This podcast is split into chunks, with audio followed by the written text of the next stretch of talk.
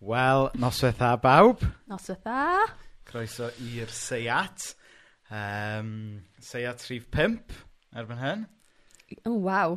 Barod. Ie, uh, yeah, Seiat Rhif 5 erbyn hyn. Ie, mi. Dwi ddim yn cymryd um, lot o ymdrech i rhywbeth fod yn draddodiad. Iawn, wel, gobeithio bod chi wedi cael wythnos da.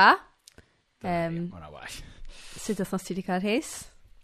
Dwi wedi cael wythnos oce. Okay. Um, Mae rhywun yn dod i arfer gweithio mewn ffordd newydd yn sydyn. Um, un peth doniol, um, dwi ar y cyfan, dwi ddim yn berson um, sy'n siarad lot ar y ffôn. Mae well gen i drefnu gweld pobl um, mewn person neu, neu ddanfon neges neu e-bost. Um, ond wedyn, wythnos, um, wythnos yma, ges i y bil ffôn trwy ddo. Um, a doedd e ddim yn ddrud, achos oh, mae cytundeb gyda fi le, le ti'n talu. A wedyn, mae hwn yn hilarious. So, drychwch ar um, mis Mawrth yw'r un bach, a wedyn uh, mis Ebrill a mis Mai. Faint dwi'n siarad ar y ffôn. So, mae hwnna yn, yn dweud lot ynglyn â sut mae pethau'n mynd. Um, So, Lot o alwad y ffôn i wneud. Ie, yeah, achos hynny yw, yn ogystal, da ni'n paratoi um, stwff i'r capel ar-lein, um, ond fel arall mae rhaid, rhaid i fi wneud yr holl waith bugeilio a dal fyny efo pobl dros y ffôn. So dwi'n goffa treulio lot o amser ar y ffôn, um, sydd ddim yn rhywbeth dwi'n dwi, dwi arfer wneud. So, yeah. So dwi wedi basically bod wrth fy nesg neu'n siarad ar y ffôn. Dyna gyd dwi'n gallu wneud ar hyn o bryd yn, yn y lockdown. A wrth gwrs, helpu ti fag i'r bachgen, wrth gwrs. helpu fi fag i'r bachgen. Wel... Na, ti yn mag i'r bachgen gyda fi, gobeithio. Ie. Yeah. Ond, ie. Yeah, ma... Well, Dwi'n dwi cofio ffrind um, unwaith yn cwyno bod e ddim yn gallu mynd allan gyda'i ffrindiau achos bod e'n gorfod gwarchod i blant i hun a wedyn i wraig y gweithio hynny fe. Dwi'n ti'n mynd gwarchod y blant y hun, ti'n i magu nhw. Ond beth bynnag am hynny. Um, Sut wythnos ti wedi cael ma oh, ddim yn gret lan y lawr. Yeah. Just i cael digon o'r lockdown, dwi'n meddwl. Ie. Yeah. Well, Yeah. Ond mae... Fi'n siŵr bod lot o pobl yn llun lluniaethu. Fi jyst eisiau mynd i llefydd a gweld pobl. Teimlo bach yn ddim adferth. Ddim yn gallu lot i newid sefyllfa, obviously. Ie, yeah, yn amlwg. Ond, um, yeah, na, Fe mae'n ma weird, achos mae amser yn mynd yn rili really gyflym ar hyn o bryd, fi'n teimlo, a mae diwrnod yn mynd yn gyflym gyda'r bechgyn, achos mae'n schedule, obviously. Ond, ie, yeah, fi'n credu, fi wedi cael digon o byw fel hyn. Fi ddim, fi ddim, fi ddim wedi cael yn creu byw fel hyn. Fi eisiau bod gyda pobl. ac yn neud pethau. Ac yn, ie, yeah, mynd i lefydd. OK, so. okay. Wel, heno, ffrindiau, mae gyda ni um, ddau eitem uh, i'ch sylw chi. Um, yn ôl yr arfer, mae gyda ni un eitem, um, wel, na i ddim dweud trwm, um, ond un eitem sort of fwy serious, ond un eitem sy'n bach fwy o hwyl. So na i sôn gyntaf am yr eitem sy'n bach fwy o hwyl, um, a fyddwn ni'n dod nôl ato fe ar y diwedd. Sef, um, ar hyn o bryd mae, mae lot o eglwysi a capeli'n arbrofi gyda ffordd wahanol o addoli. A neith, yn hwyr neithiwr ar ôl plant fi'n y gwely, o'n i, on i jyst yn chwarae ar y gitar. Um, achos mae'n anodd chwarae ar y gitar yn sydd y dydd, achos mae cadog Rhys a Nedw yn plant ni. Mae nhw jyst eisiau chwarae gitar. So, os dwi'n trio chwarae gitar yn y dydd, mae jyst yn cael ei sbwylio ganddyn nhw. Um, so, anyway, Be o'n i'n dweud? O oh, ie, yeah. so mae lot o glwysy'n trio meddwl am ffyrdd creadigol o addoli. Mm. So'r syniad ges i neithiwr oedd be tasen ni rhyw ddydd syl um, jyst yn dewis lot o gyneuon poblogaidd, tybo, fatha gwir poblogaidd, as in, tybo, chats, a ffeindio ymyn, geiriau ymynau sydd yn ffitio i alawon y caneuon pop a bod ni'n ei set o ddoliad yn defnyddio caneuon pop. So, mm. so, so dyna dyn ni'n mynd i drafod ar y diwedd heno.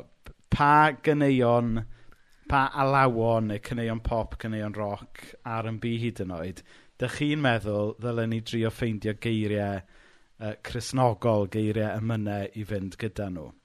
Mae hmm. gan, da, ni, da ni wedi dod fyny efo o leia un, a da ni'n mynd i... Um... Wel, ni'n mynd i ganed gwreiddiol, ni ddim, ni ddim wedi uh, ffeindio geiriau. Na, so tywed... Ond ni'n mynd i ganed gwreiddiol. Ar y dechrau lockdown, o'n i'n chwarae lot o gerddoriaeth o fy arddegau cynnar yn 90au hwyr, a oedd yn... Ie, yeah, oedd e'n neis gwrando ar pethau fel yna eto, so un o'r caneuon yna, dyn ni'n mynd i chwarae ar y diwedd. Ie, yeah. so um, ti'n gweld yn y chat bod Barry yn gwylio, hai Barry, ti'n iawn? croeso i'r seiat heno. So, yeah, so, so basically, so yn y chat, a wrth bod, ni'n, wrth bod y noson yn mynd i flaen, triwch meddwl pa, be di fatha'r tunes dych chi'n meddwl efo geiriau gwahanol allan nhw fod yn emynau neu cyneuon mawl. Um, mae yna lot allan yna. Be di'r belters, be di'r ballads, be di'r anthems. Dych chi y meddwl fe dyn ni gymryd drosto a defnyddio i addoli trwyddyn nhw. So, um, chi'n cofio, yr lle nath hwn i gyd dechrau gyda fi? Chi'n cofio busnes y corona yma sydd fel yn big ar um, Facebook? Um, gyda llaw, um, dwi a Meilir a Sian a pobl dyn ni'n gwneud yn corona de debut heddiw. Ond mater arall di hwnna. Um, ond beth bynnag, pan oedd yr holl thing corona dechrau, oedd pobl yn canu calon lan ar pob math o Alawon. So oedd yr un legend yma, oedd o Gynarfon yma'n byw yn uh, Cerdydd, oedd yn canu um, Calon Lan ar dôn, beth oedd enw'r gan eto? Tybod, um, Every breath you take, breath so tybod, um, Nid dwi'n gofyn bywyd moethus, a'r y byd na'i berlau man. A wedyn pan oedd y rap yn dod mewn, oedd e'n rapio'r penillion eraill. Yeah, oedd oedd e'n amazing. hilarious. So wedyn nes i dechrau canu, nes i, o'n i'n siarad gweithio mas wyt ti'n gallu canu um, calon lan ar tôn She's Electric gan Oasis. E, oedd e Oedd e kind of yn gweithio so ti'n dal allan rhai. Na, oedd e, e ddim yn gweithio rhys. Na i gweithio oh, anyway, straight. So, so, so calwch chi think uh, yn ystod yr, um, uh, y noson um, pa belters da chi'n meddwl fedrwn ni ffeindio geiriau pant y calen ar oed i'r alaw. So... Ond fi eisiau rhoi sylw, actually, i'r... Um, be chi'n galw fe? Nawr, uh, sesiwn yn ysu, isolation session, yeah. be ddau yn erddi, achos o'n i'n meddwl bod fe'n really cool. A fi'n gwybod, Rhys, ti wedi bod yn edrych ymlaen i'r rhai e ers oes nosa nawr. Ydw, ydw. ti wedi bod mor chyfft gyda fe, yeah. ond mae'n ma, ma, ma, ma, ma, ma, ma, ma, ma really cute. A da iawn pawb bod yn rhan o'n fe a diolch i Arfon am cyfieithu'r geir- wel cyflwyno'r gan i ni achos mae'n mae hyfryd. Mae'n yeah. wir yn hyfryd. Yeah. So ie, yeah, lyflu gweld hwnna lan ar YouTube a Facebook. Ie, yeah, so gret. Yeah. yeah. diolch pawb sydd wedi bod yn rhan o hwnna. So ta beth, so un, un o'r un o'r pethau uh, da ni eisiau trafod yn um, sydyn heno, mae'n pwnc eitha mawr, a eitha dwys. So newn ni balans o hwnna allan drwy beidio siarad amdano fe rhy hir. Um, ydy um, post-Christendom. Oce? Okay? Iawn. Beth yw hwnna? Dwi'n clywed chi yn gofyn. Um, ti eisiau dechrau? Na, na. Dechrau ti. Oce, okay, na i ddechrau. os ti'n mynnu. Um, so, falle bod chi... Um, wedi clywed um, pobl, ddim just yn yr eglwys, ond just pobl sy'n edrych ar, ar trends cymdeithasol gwleidyddol yn sôn um, bod ni'n byw mewn cyfnod post-Christendom nawr. Um, a, a o'n i jyst yn meddwl sy'n ni'n dechrau unlocio hwn, a mae hwn yn thema byddwn ni'n dod nôl ato yn reit aml yn y, yn y podlediad, achos da ni'n meddwl bod e'n bod e'n hmm. trend pwysig iawn i bobl ddeall, a mae'n trend pwysig i, i grisnogion ac yn arbennig wybod be di'r ffordd gorau o mateb iddo fe. So'n sydyn iawn, Idiot's Guide to Post-Christendom, uh, ni'n mynd i gael yn sydyn iawn heno, a wedyn trafod rhywfaint o sut mae'n berthnasol i ni nawr yn y lockdown. So, Christendom oedd basically rhywbeth sydd wedi bod yn mynd ers tua 1500 o flynyddoedd um, yn y gorllewin, sef pa mae y ffydd grisnogol basically ydy crefydd swyddogol uh, y wlad neu'r gymdeithas. So wnaeth ei gyd ddechrau um, tua'r flwyddyn 300 pan oedd um, Cystennin, um, Constantine, sef yr ymrawdur Rhyfeinig, oedd e basically wrth i'n trio um, stampio allan Cresnogaeth, yn trio lladd y Cresnogion, ond nath e weld y mwyaf caled oedd e yn um, trio i stopio nhw, mwyaf, mwyaf nhw oedd yn taflu'r carchar, mwyaf ohonyn nhw oedd yn lladd, y mwyaf cryf oedd ffydd nhw yn mynd, a'r mwyaf oedd y ffydd grisnogol yn lledu. Felly, clasic gwleidydd, nath e benderfynu, well, if you can't beat them, join them. O'n i'n meddwl bod fi wedi cael trwy'r digeth o. E. Wel, tyba, hynny yw, Dim ond... Oedd e'n trwy ti gyda cyfleus. ni ddim i farnu to, ffydd personol rhywun. A ni'n sicr methu dod i gasgliad pendant am ffydd personol rhywun oedd yn byw 1500 o flynyddoedd yn ôl. Ond... Ond dyn ni'n gwybod y canlyniadau, dyn. Ond oedd na sicr bydd gwleidyddol iddo fe ddod yn Gristion. Achos um, dyna o, oedd hwnna'n tyfu ar hyn o bryd, ar, ar, ar, ar y pryd. So, so ar rywydd, Oedd yn dda, achos yn sydyn reit, oedd gyda ti um, yr ymerawdwr Rhufeinig oedd yn unben, really, y peth agosa sydd gyda ni yn y byd heddiw ydy fel gogledd Corea, really. So gyda mm. ti'r unben yma oedd yn erlyd ac yn lladd Cresnogion, yn sydyn reit, oedd yr erlyd a'r cyfan yn, yn dod i stop, um, ac oedd y Cresnogion yma oedd yn cael ei gwthio i gyrion cymdeithas, nawr, yn cael bod yn grefydd swyddogol yr ymerodraeth Rufeinig. Nawr, dim ond ar un llaw oedd hwnna'n beth da. Os ar y llaw arall, um, chybod, os, os ydych chi eisiau trio gwerthu rhywbeth fel bod e'n cool i blant, y peth ola chi moyn yw rhywun mewn awdurdod yn ei gyflwyno fe. Ti'n deall beth sydd fi? Okay. So, sydd yn dweud, wrth i Cresnogaeth oedd yn crefydd swyddogol yr ymerodraeth Rufeinig, oedd na rhywbeth o ysbryd radical byw gwreiddiol Cresnogaeth yn dechrau cael ei gochi. Oedd rhywbeth o calon Cresnogaeth. Achos, mm. os, achos os chi'n darllen y Beibl o ran y proffwydi trwyddo Iesu ei hun, oedd o rhan eitha bwysig o Cresnogaeth yw fel mae Saeson dweud, speaking true, um, truth to power. Mm -hmm. Ond on os oedd Cresnogaeth yn dod yn grefydd swyddogol y, y pwer, mm -hmm. yna oedd rhywbeth eitha pwysig o anian Cresnogaeth yn cael ei gochi. Nes i, um, pan o'n i'n teithio um, America ganol rhai blynyddoedd yn ôl, um, oedden ni, wel, oedden ni'n trial dysgu mwy am y gwledydd oedden ni'n teithio yno, a oedden ni'n dysgu mwy am yr eglwys gatholig, really, yn y gwledydd yna um, a sut oedd llywodraethau yn defnyddio'r eglwys, ond yr eglwys hefyd yn defnyddio y grym politicaidd hefyd. Um, a wnaethon ni aros gyda um, diwynydd yma yn Costa Rica a um, nath hi dweud bob tro mae'r eglwys yn dod yn rhy agos i'r grym llywodraethol um, mae'n cael ei llygru basically yn dd- yn yn ddi- trwy hanes bod hwnna'n patrwm hollol gyson Um, so ie yeah, a chi yn gallu gweld y trwy hanes a chi'n gallu gweld yn y byd nawr um, pan mae'r eglwys yn rhy agos um, rhy glos i'r grym gwleidyddol i'r llywodraeth mae'n ma' cael ei teintio 'ta neu i llygru mewn rhyw ffordd. Yym ie sori cario mlaen. Ie, so... Beth am Gymru? So, ie, yeah, so, so i ni'n byw yn um, Cernarfon, mm. um, neu enw, a mae Cernarfon, mae yna ma rhyw, rhyw fath o dref wedi bod yma ers y cyfnod Trefeinig, a enw, mm. enw lle oedd Segontiwm. A mwy na thebyg, um, does dim ffordd o ddweud yn bendant, ond fwy na thebyg bod y ffydd grisnogol wedi cyrraedd um, yr ardal yma i ddechrau wrth i'r ymerodraeth Rufeinig gyrraedd yma. So, so hwnna fel, fel...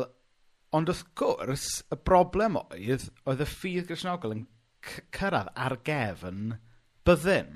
A mae unrhyw un sy'n gallu darllen y Beibl yn gwybod mae nid fel na mae e fod i ddigwydd.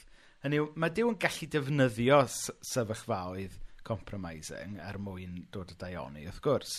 Hynny yw, dim o'r top lawr ti'n cyflwyno ffydd a crefydd i pobl. Na, Wel, dyle ti ddim cyflwyno dy ffydd ar un llaw yn dal clefydd yn y llaw arall na. Tybod? Mae hwnna'n yeah, okay. hwnna amlwg ddim yn gyson efo Cresnogaeth.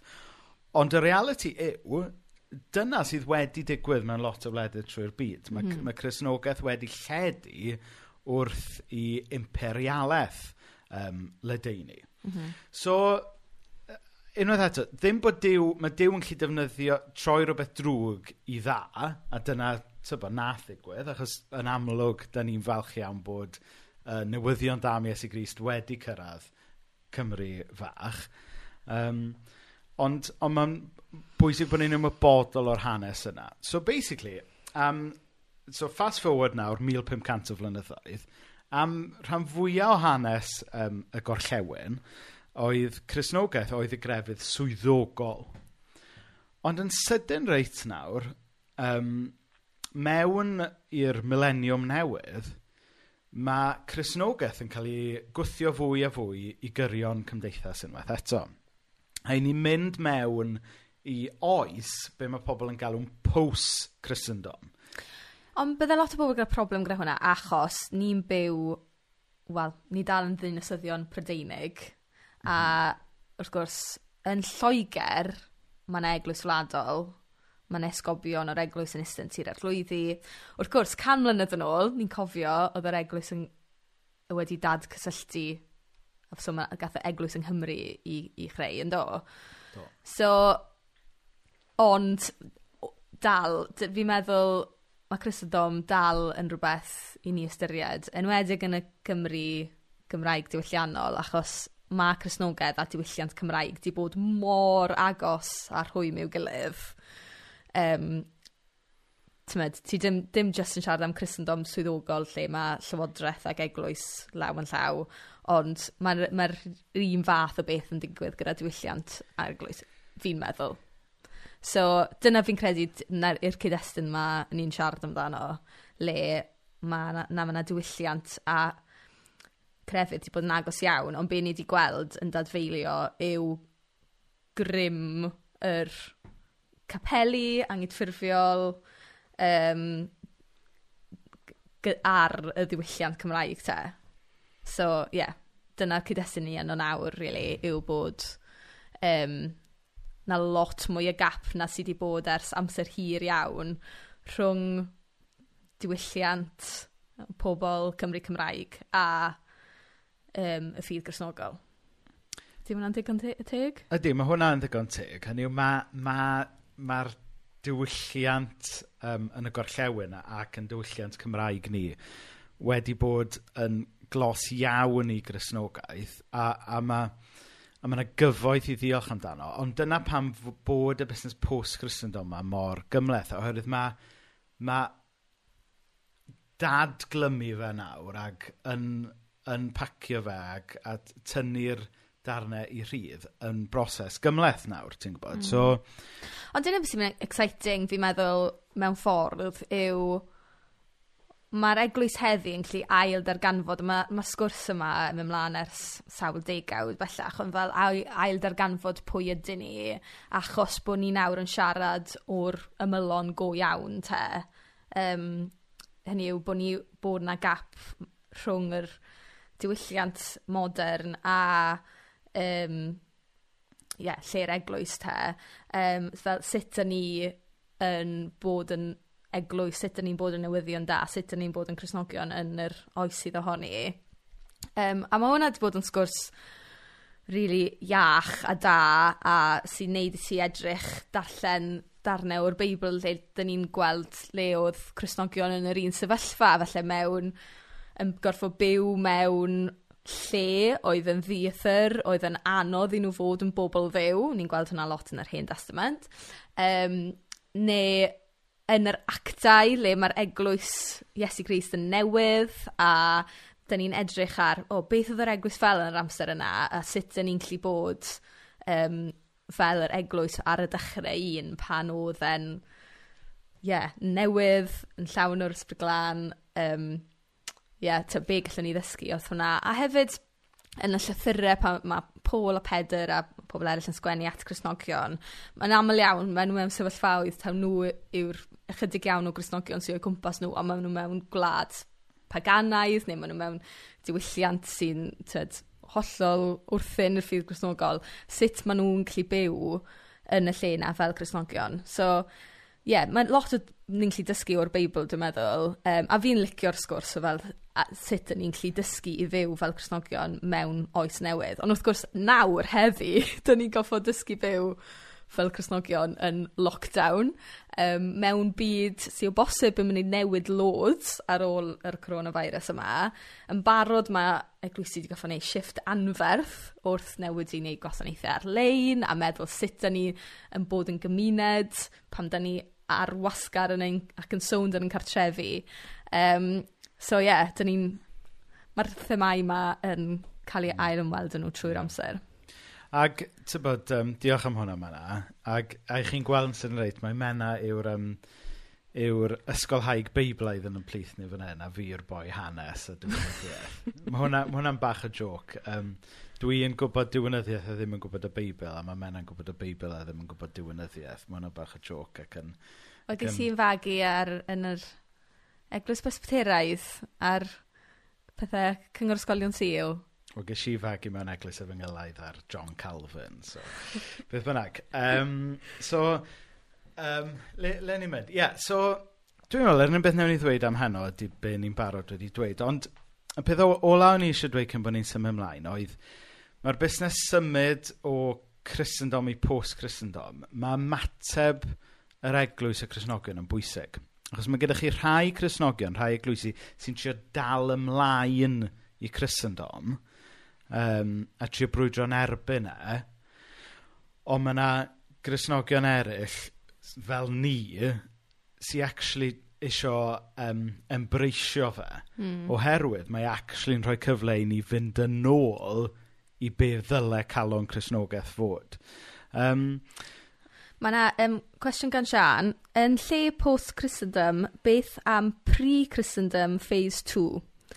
Sian, fi ddim yn siŵr am beth ti'n meddwl so os ti'n lli ymlaethu ti'n bach bydda hwnna'n gret. O, fi'n fodlon just siarad amdano fe heb wybod yn iawn beth mae Sian yn golygu. Nawr mae ma yn... Um, mae lot o bobl wedi Mae'n classic. Y rheswm, rheswm pan bod pobl yn gael fe'n post-Christendom um, yn, hytrach, yn hytrach na fel pre-Christendom Mark II, ydy be sy'n ddiddorol am y cyfnod i ni'n byw ynddo nawr yw bod na ddim ar rywydd does dim model beiblaidd oherwydd yn y Beibl i ni'n i ni'n gweld um, pobl ddew yn yr Hen Testament ac yna um, yr apostolion a actau yn Testament Newydd yn dod o draws um, diwylliannau a cymunedau sy'n pre-Christian, um, ond dy, dy, dy, dyna sy'n neud sefyllfa Cymru a'r gwelliawnau'n unigryw. Dydyn ni ddim yn pre-Christian. Mae Cresnogaeth wedi bod yma, mae wedi gadl i farc, byddai rhai'n dadle bod wedi gadl i graith. Mae'r diwylliant yma wedi cael ei inoculatio gyda diwylliant um, mm -hmm. chrysnogol. Mm -hmm. Felly, da ni yn... Um, felly, da ni'n mynd i uncharted territory, really. Hynny yw, mae'r ma egwyddorion cyffredinol... um, mae'r egwyddorion cyffredinol yn y Beibl ar gyfer Cresnogion ym mhob oes, wrth gwrs. Ond o ran y... yr tybod, does dim gyda chi enghreifftiau yn y Beibl o ddiwylliant tybo, oedd ddim yn grisnogol, wedyn yn grisnogol, a wedyn sy'n mynd nôl i fod ddim yn grisnogol. So dyna pan bod y cyfnod yma mor, mor ddiddorol mewn gwirionedd. So... Oce, okay, so beth am heddi te? Beth am te, sefyllfa ni yn ynddo nawr yn y lockdown? Um, sut yn ni'n clu dysgu... Sut yn ni'n clu bod yn bobl ddew yn y sefyllfa ni yn ynddo nawr?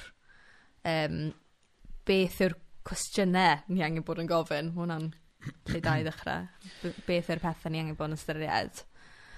Wel, yn yw mae'r lockdown yn fy marn i wedi gorfodi lot o eglwysi oedd falle ddim yn wynebu sut mae bod yn eglwys post-Christendom i, i bron dros nos feddwl am hynny. So mae'n ma, golygu, ti'n bod, um, pwyslais ar y bobl nid ar adeilad.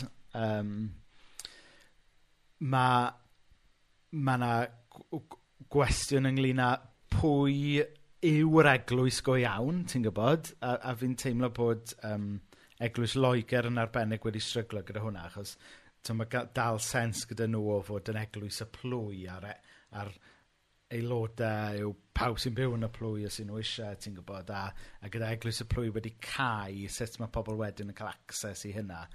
Um, So mae, mae dy ti po fath o gwestiynau fel yna. Um, ond hefyd, um, to, mewn oes post-Christendom, fi'n teimlo, a fi'n dweud hwn fel gweinidog fy hun, bydd llai o bwyslais ar, um, ar y clergy, ti'n gwybod, ar y professionals, a, a fydd yn rhywbeth lot fwy organic, a fi'n credu bod hwnna'n beth da, ddim, ddim bod fi eisiau siarad fy hun allan o, o job yn amlwg, Um, ond fi'n meddwl bod hwnna'n trend da yn gyffredinol, ti'n gwybod? Mm -hmm. um, be amdano ti mae'na? Beth yw'r gwersi ti'n meddwl? Ie, yeah, wel, mae ma lot o... Fi'n gwybod os mae hwn yn cysylltu gyda. Um, fi'n ni'n siarad yn llwyr, ond... Enw, mae lot yn yr wasg wel, gwasg cyffredinol a gwasg grisnogol yn yr wythnosau diwetha, mae pawb yn mynd yn gyffroes iawn amdano faint o bobl sy'n tiwnio mewn ar-lein a falle pobl byddai byth wedi edrych mynd i eglwys um, ar fwrdd dydd syl, um, bod nhw'n edrych ar wasanaeth, pobl yn teipio mewn i Google sut dwi'n gweddio, sut ydw i fod i weddio. Um, a hynny yw mae yna gyffro am hwnna sy'n gret, um, achos fi'n ffeindio fe'n ddiddorol bo' y cyd-destun yn ni'n byw yn ddo, hynny yw mae lot o bobl falle anffyddwyr, tymed, a Wel ie yeah, lot o bobl t'mo' yn meddwl o mae'r eglwys jyst yn mynd lawr o lawr a t'mod ma' pethau jyst sefyllfa diriwiad trwy'r amser. Um, ond fi'n credu mae yna bobl a diddordeb ysbrydol o hyd. Mae yna diddordeb mewn ysbrydolrwydd yn y cymdeithas ni yn rhemp dwi'n meddwl. Mae hwnna'n rili really amlwg yn 'y marn ni. Ond, ond ie, yeah, a wedyn, so tywed, mae'n grêt bod eglwysi yn cynnig lot mwy ar-lein um, achos tibod dan ni'n lli siarad amdano be dan ni'n credu ynddo a fath o ysbrydolwyr sydd gyda ni. Um, ond hefyd fi'n meddwl tibod mae'n her mawr yr eglwys yw tibod mae lot o bobl hefyd yn hoffi Iesu fe, Iesu Grist as in mae'r, tibod mae ma' cymeriad mae person Iesu tymed, dal gyda apel anferth um, sydd ddim yn sioc i ni wrth gwrs. Ond mae'r ma'r eglwys falle fel sefydliad wedi cadw pobl i ffwrdd. Um, a tyma, mae hwnna just yn tristhau calon fi gymaint. Ond tyma, mae hwnna'n reality ac yn ffaith um, tyd ni'n goffod gwynebu a delio gyda. Um, so ma'n ddiddorol i fi falle bod y bobl yna sy'n hoffi esu, falle'n tiwnio mewn i rhywbeth ar-lein ond ddim eisiau dod actually i eglwys. Nawr, tibod, 'di hwnna ddim yn iawn achos ma' tibod, cymuned yy eglwys yn rili really bwysig a tibod, fi'n credu'n grif yn yr eglwys leol. Um, ond os gai o ti fyna, yeah. ond hynny yw, dwi'n amlwg yn credu fod yr eglwys a, a mae'n rhan hollol greiddiol o grisnogaeth bod bo ti'n dilyn Iesu a bod ti wedyn yn perthyn i ddilynwyr eraill Iesu. So mae'r elfen mm. cymunedol yn bwysig iawn, rhan bwysig iawn o grisnogaeth. Ond fi'n meddwl bod, bod yr amser yma yn amser le mae'r eglwys angen gofyn pam bod y bobl yna ddim yn dod, pam bod y bobl yna ddim yn plygio mewn. Mm. Nawr, ar rywydd, fi'n siŵr bod yna ateb um, cymdeithasol o'r oes, tybod, sort of, thatcheriaeth, e, e, tybod, bod um, wedi dod i'w ben llan nhw a bod pobl jyst yn meddwl yn singular a, ac yn y blaen. Ond hefyd, mae yna, yn aml, o siarad efo pobl, mae yna, mae yna resymau legitimate pan bod pobl yn cadw draw o eglwys, efo falle bod, uh, falle bod nhw wedi cael ei brifo gan yr eglwys yn y gorffennol, falle bod nhw wedi cael profiad negyddol o'r eglwys yn y gorffennol. Um, Mm. A, hmm. a, a, a falle bod y cyfnod yma'n gyfnod nid i grisnogion bwyntio bus ar y bobl yma, o ie, mae'n hawdd iddyn nhw just watch oedfa ar Facebook, ond mae eisiau nhw ddod i'r capel cyn bod ni'n trystyn nhw go iawn. Wel, mae'n ma, ma hawdd pwyntio bus yn ei hynna. Mae'n bwysig bod yr eglwys yn edrych ar ei hi, hun hefyd, a, ag, a dweud sori falle am y loes falle sydd yn peri po, rhai pobl i, i gadw draw. So mae yna cwpl o sylwadau wedi dod mewn nawr. So, um, oh, yeah. nawn ni just uh, ffiltro nhw gynta. Um, uh, okay. O, mae'n lot. Yeah, so... Yeah, so cwestiwn dyfed, hwn yn gwestiwn eitha hawdd. Um, os ydy'r ystadegau am enna'n cywir, fyddwch chi'n parhau ddarlledu ar-lein ar ôl y lockdown. A mae hwnna'n hwnna ma yym gwestiwn da, achos mae yna i o ran just yn ymarferol, hynny mae, ma paratoi stwff ar-lein o leia fel da ni'n neud yn cymryd tipyn o amser. Felly, um, yn bersonol, so ni'n licio, falle byddwn ni ddim yn parhau i wneud oed fel lawn ar-lein pob, um, pob di syl, ond fyswn ni'n hoffi parhau i roed rhyw fath o fyfyrdod neu rhywbeth allan ar y we, hyd yn oed ar ôl y lockdown. Um, ond mae we gyd mynd i ddibynnu ar amser yn, yn amlwg. Um, ti eisiau mateb i... Ie, yeah, mae cwestiwn... Oh, Oes, um... cwestiwn Steffan, ie. Yeah. Beth am y gledau sydd ddim yn orllewino grisnogol ydyn nhw'n dalu raddau yn byw yn amser Christendom ac be allwn ni ddysgu ganddyn nhw?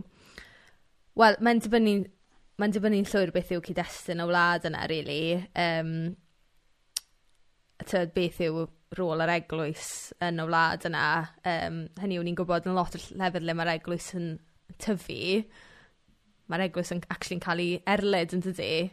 Um, neu ddim ie ddim yn ynghlwm â'r llywodraeth mewn unrhyw... na grym mewn unrhyw ffordd. Mm. Um, ond yn sicr mae dyn ni loads i ddysgu gan yr Eglwys Rhyngwladol achos really, mae yna anghydbwysedd masif yn y byd chrysnogol ar hyn o bryd achos mae'r arian ar adnoddau i gyd lot, rhan fwya nhw i gyd yn y gorllewin ond ma' Eglwys ar ei gryfa ac yn tyfu ddim yn y gorllewin, hynny yw yn America Ladin cyfandir Africa, um, rhannau o Asia. Um, so mae yna anghydbwysedd anferth, ond eto, i ni'n y gorllewin yn meddwl taw ni sy'n iawn a da ni'n ddim angen gwrando, sef classic peth tyd, mae pobl gwyn yn neud, really. Um, so, ie yeah, dan ni angen bod yn yn gwrando ar y lleisiau'r bobl yna a ni angen bod yn cael help wrthyn nhw o ran adnoddau dynol. Um, a dan ni angen bod yn cefnogi nhw hefyd achos ni sy gyda'r arian ar adnoddau um, dan ni angen bod yn cefnogi nhw. Ie, yeah, fi'n meddwl allwn ni wneud penod cyfan ar hwn rhywbryd, ond fi'n meddwl mai y shift fwyaf arwydd y cael i'r eglwys yn y degawdau nesaf yw fel mae Menna nhw ddweud bod canolbwynt yr eglwys mynd i symud o'r gorllewin i be maen nhw'n galw'r Global South.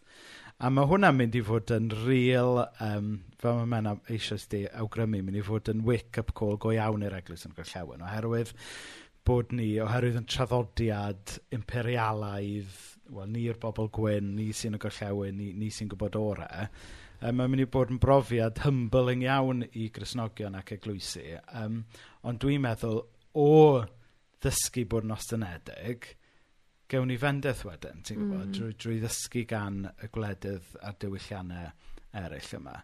A beth sy'n anffodus i ni, fi'n meddwl, yn Gymru Cymraeg, hynny yw, mae gyda ni rhai pethau yn cyffredin da rhai o'r bobl yma, um, achos profiad ni o fod yn Gymru Cymraeg. Dim popeth, obviously, ond um, tyma, da ni'n lluniaethu gyda rhai pethau yn well falle na Cresnogion eraill gorllewinol.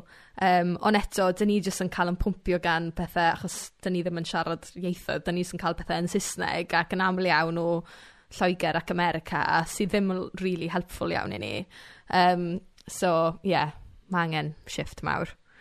Um, Unrhyw cwestiwn arall? Ie, so a- arwel, um, arwel a lwri, neu arwel neu lwri siwr fod arwel, yn gofyn y cwestiwn, gyda'r busnes ma o rhai pobl um, dim ond yn tiwnio mewn yr eglwys ar-lein a rhai yn cymitio, a oes yna berig bod e'n creu dau tir. Um, oes yn sicr, ty bo.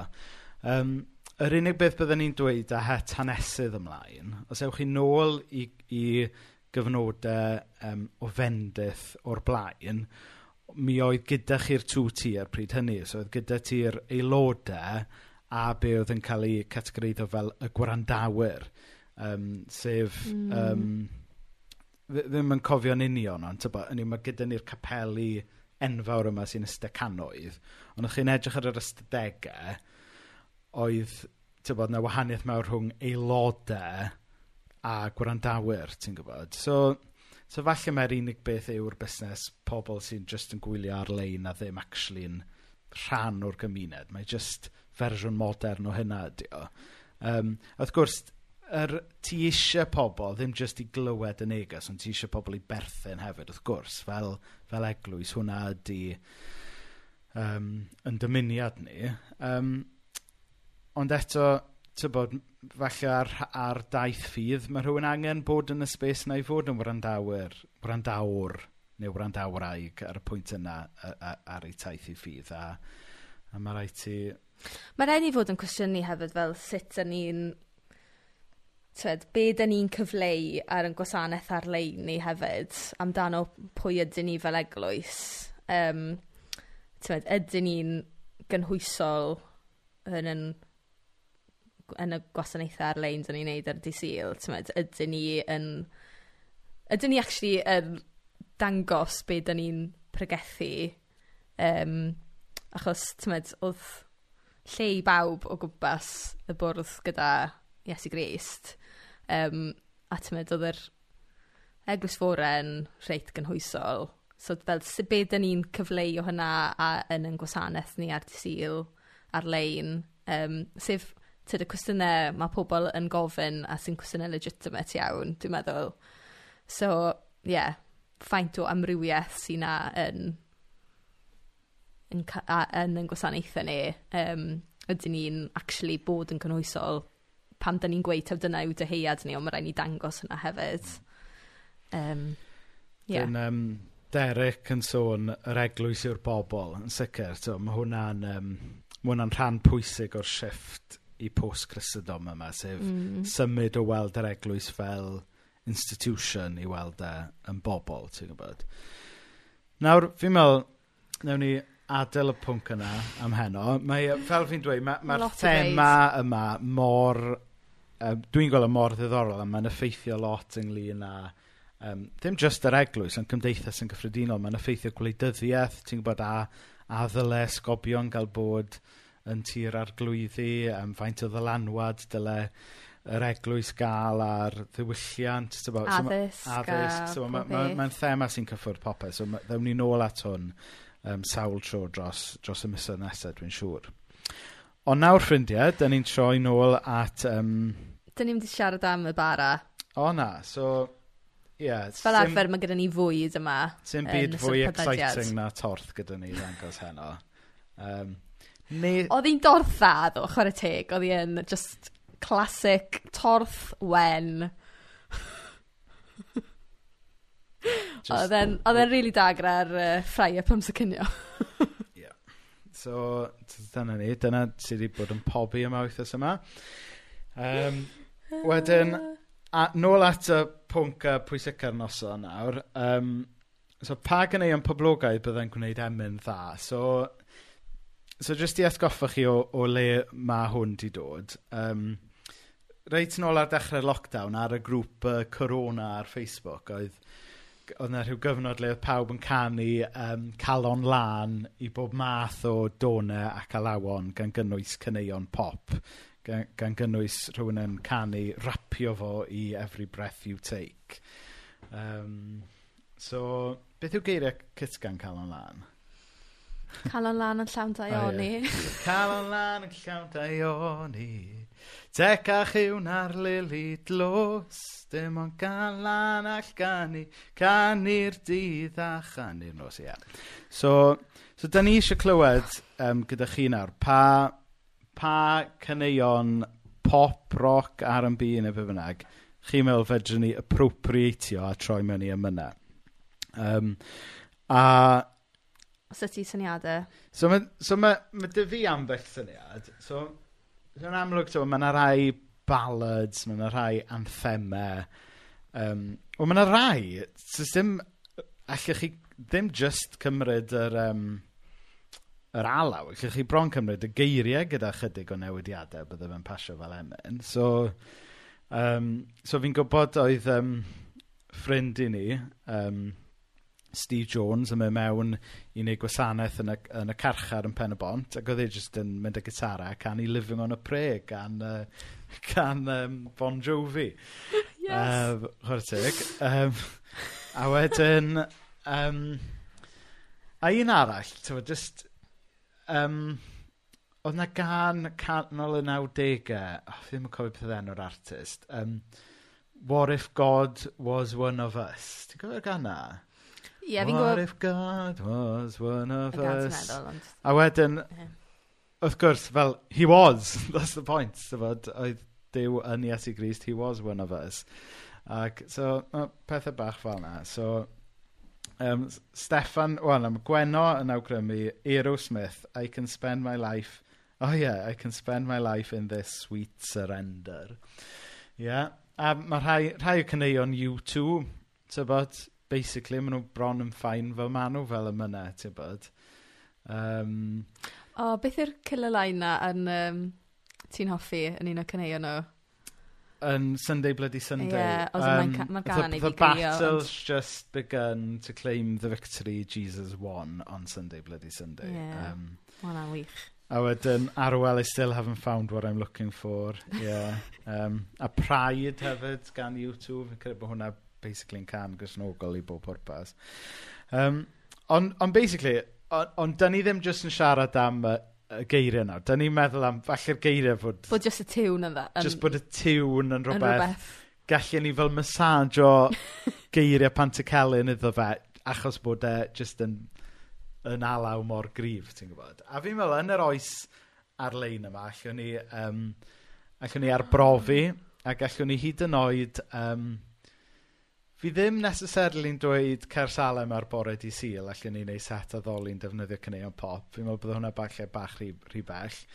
Um, Wel, gen i weld pa mor hir mae'r lockdown yn mynd, falle bydd, bydd yn repertoire ni wedi a sych chi allan. Ond, um, Mae Derek yn dweud Joan Osborne. Na ni, hwnna di'r un um, What If God Was One of Us, ah, Joan Osborne. Diolch Derek, Derek brilliant. Yeah. A mae Sian yn gweud, un i fi, um, Today this could be the greatest day of our lives. Yeah.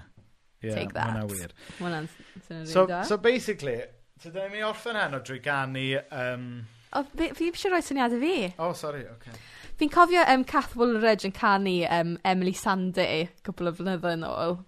Um, You can read all about it, read all about it, oh, oh, oh, oh, oh, oedd hwnna'n rili da. Oedd hi wedi newid rhai o'r geiriau Um, ond oedd yn odd yn dda. Yym hefyd un gan o'n i wedi meddwl amdano s- o blynydde ôl nawr o'n i yn meddwl o bydd yn dda i addasu hwnna um, beth yw'r gan? You got the love you got the love you've got the love. Florence and the Machine. Ie you've got the love. Joio hwnna. Um, beth arall? So Rhywbeth gan Adele, falle. Mae Arwel, Arwel yn sôn fan hyn am... Um, Arwel yn gwybod bod fi'n fan o Oasis. Achos nes i drio um, canu Calon Lan ar She's Electric.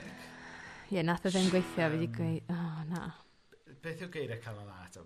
Fi, Nid dwi'n gofyn, gyda llaw, fi'n dyslexic, dyna pan fi beth y cofio geiriau dim byd. Sy'n eitha embarrassing, achos weithiau, Fydda fel gweinidog, fi'n cael y nal allan ddim yn gwybod gweddi'r arglwydd o flaen yn y lleidfa a bethau. Nid dwi'n gofyn bywyd ma. Nid dwi'n gofyn... Na, sy'n ma fe? O, sy'n cofio. Anyway, so... Mae esill yn gweud Wonderwall. Wonderwall. Yeah, Mae'n um, In, unrhyw excuse i gan i Wonderwall. So, so beth bynnag, so, so ni'n meddwl, neithiwr yma na fi yn cofio am 200 o'r 90au oedd yn briliant. So, yn gyntaf, pwy sy'n cofio um, brimful o Fasha gan Corner Shop? Nis yn siarad yn gyffredinol nawr. Ie na, ond o'n i'n meddwl bydda fe wneud can plant da i'r capel. O, oce, ie. So, um, o, fi'n caru'r gana. Ti'n meddwl am geiriau lled grisnogol sy'n ffitio ar y geiriau yna. Um, so, Pimp torth ysgodyn. Pimp sgodyn. Pimp torth y daith sgodyn. A draeth galeli.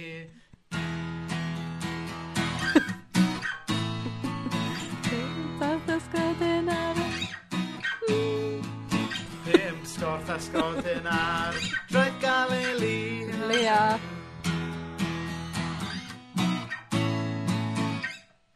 Ie, so, na. So fi'n meddwl, bydd y gan yna os byddwn ni'n gallu ffeindio geiriau sy'n mynd, bydda hwnna'n jyst yn tewn syml iawn i'r plant gan ni yn capel. Ond mae Adrian Morgan, ti'n meddwl am classic. Man on the cross, i dôn lady in red. oh, Adrian. Mae hwnna'n hwnna bach o in-joke sy'n mynd yn un ôl i dyddiau coleg. Uh, You'll never walk alone. Yeah. Neu Blue Moon. Blue Moon yw i ffyrin. Um, So, ond beth bynnag, un, um, un, so da ni'n mynd. Da ni'n mynd i off yn nawr. Ond un, un tiwn um, o'r 90au, wnaethon ni just cofio amdano, oedd y gan Never Ever gan All Saints. A, a fi'n meddwl, mae'r ma, gan yma just yn, mae just yn eitha anthemic. Um, o, oh, fi'n caru'r gan yma. So, so, so basically, ni'n just mynd i ganu fe nawr, ond ar y geiriau gwreiddiol. Um, Ond fi'n meddwl, erbyn mewn chydig wythnosau, ni eisiau bod nôl yma yn canu Never Ever gan All Saints, ond i eira Cresnogol. Sy'n bositif, achos mae'r geiriau Never Ever yn siarad am torberthynas yn amlwg. Beth am cael geiriau oh, sy'n siarad well, am mai, greu perthynas? Falle mae, os mae, so, am dor perthynas yw e, falle mae siarad am post-Christendom mae e. Right, so, okay. so ni'n mynd i chwarae chi allan gyda hwn, ffrindiau. Cofiwch um, dan ysgrifio i wrando ar y podlediad. Um, cofiwch diwnio mewn i um, oedfa Cersalem ar fore di sil am rhywbeth gyda lot fwy o sylwedd na hyn. Um, a wedyn, um, cofiwch fynd i seiat.net i wrando nôl. Um, a diolch fawr iawn am wylio a gwrando heno. Ie, yeah, diolch. Menna sy'n mynd i fod yn canu a fi'n chwarae gitar. Ie, barod? Mhm. A few questions that I need to know. How you could ever hurt me so? I need to know what I've done wrong and how long it's been going on. Was it never that I never paid enough attention? Or did I not give enough affection? Not only will your answers keep me sane, but I'll know never to make the same mistake again. You can tell me to my face, or even on the phone. You can write it in a letter. Either way, I have to know. Oh dear. Did I never treat you right? Did I always start the fight? Either way, I'm going out of my mind. All the answers to the questions I have to find. My head's spinning. Boy, I'm in a daze. I feel isolated. Don't wanna communicate. I'll take a shower. I will scour.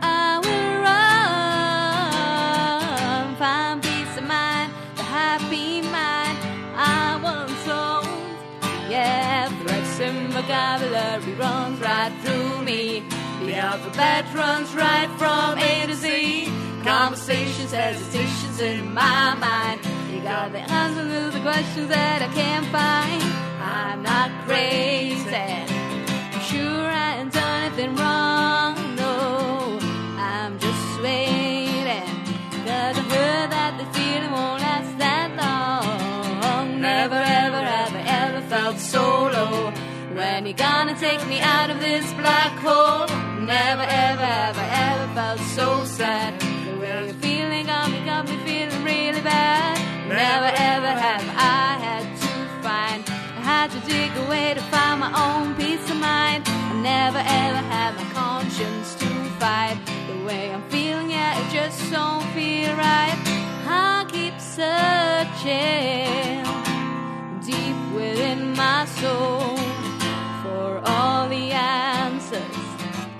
Don't wanna hurt no more. I need peace, gotta feel at ease. Need to be free from pain. Go insane, my heart it ain't. Yeah, sometimes vocabulary runs through my head. The alphabet runs right from A to Z. Conversations, hesitations in my mind. You got my answers asking questions that I can't find. I'm not crazy. I'm sure I ain't done nothing wrong. And now I'm just waiting.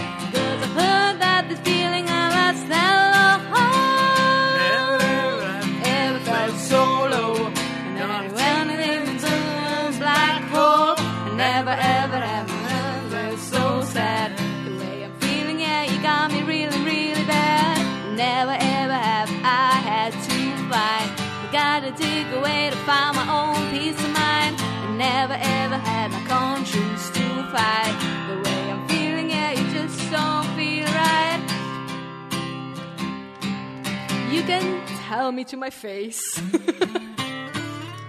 Dyna ni. Dyna ni, ffrindiau. Diolch fawr iawn. Poor finish. I bawb am uh, ymuno ar seia tero. So'r sialens um, erbyn wythnos nesaf neu'r wythnos ei ddod yw i ni ffeindio geiriau emyn um, sy'n ffitio ar alaw y gan Neu yna. falle ddim. Oh, reit. Fi'n ffili credu bod ti wedi siarad fi mewn i wneud yna. Dyna ni, wel, dyna ni.